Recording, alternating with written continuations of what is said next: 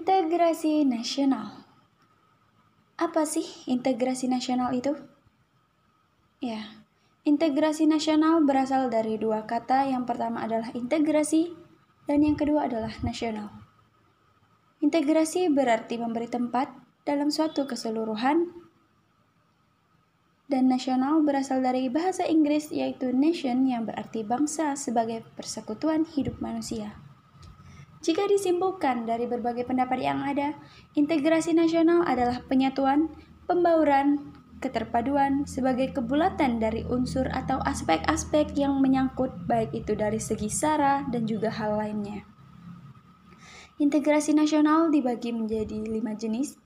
Menurut Myron Weiner dalam Ramlan Surbakti pada tahun 2010, ada lima jenis integrasi. Yang pertama adalah integrasi bangsa, kemudian integrasi wilayah, integrasi elit masa, integrasi nilai, dan yang terakhir adalah integrasi tingkah laku.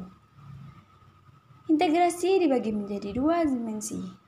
Yang pertama adalah integrasi vertikal, dan yang kedua adalah integrasi horizontal. Di mana aspek ini meliputi aspek politik, ekonomi, dan sosial budaya. Integrasi berkebalikan dengan disintegrasi. Jika integrasi itu menyeratkan adanya keterpaduan, kesatuan, dan kesepakatan atau konsensus, maka disintegrasi justru menyeratkan adanya keterpecahan, pertentangan, dan juga konflik. Model integrasi yang berlangsung di Indonesia adalah model integrasi Imperium Majapahit, model integrasi kolonial, dan model integrasi nasional Indonesia. Pengembangan integrasi dapat dilakukan melalui lima strategi. Yang pertama adalah ancaman dari luar, gaya politik kepemimpinan, kekuatan lembaga-lembaga politik, ideologi nasional, dan yang terakhir adalah kesempatan pembangunan ekonomi.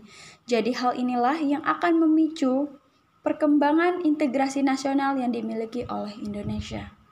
Yang terakhir, integrasi bangsa diperlukan guna membangkitkan kesadaran akan identitas bersama, menguatkan identitas nasional, dan membangun persatuan bangsa.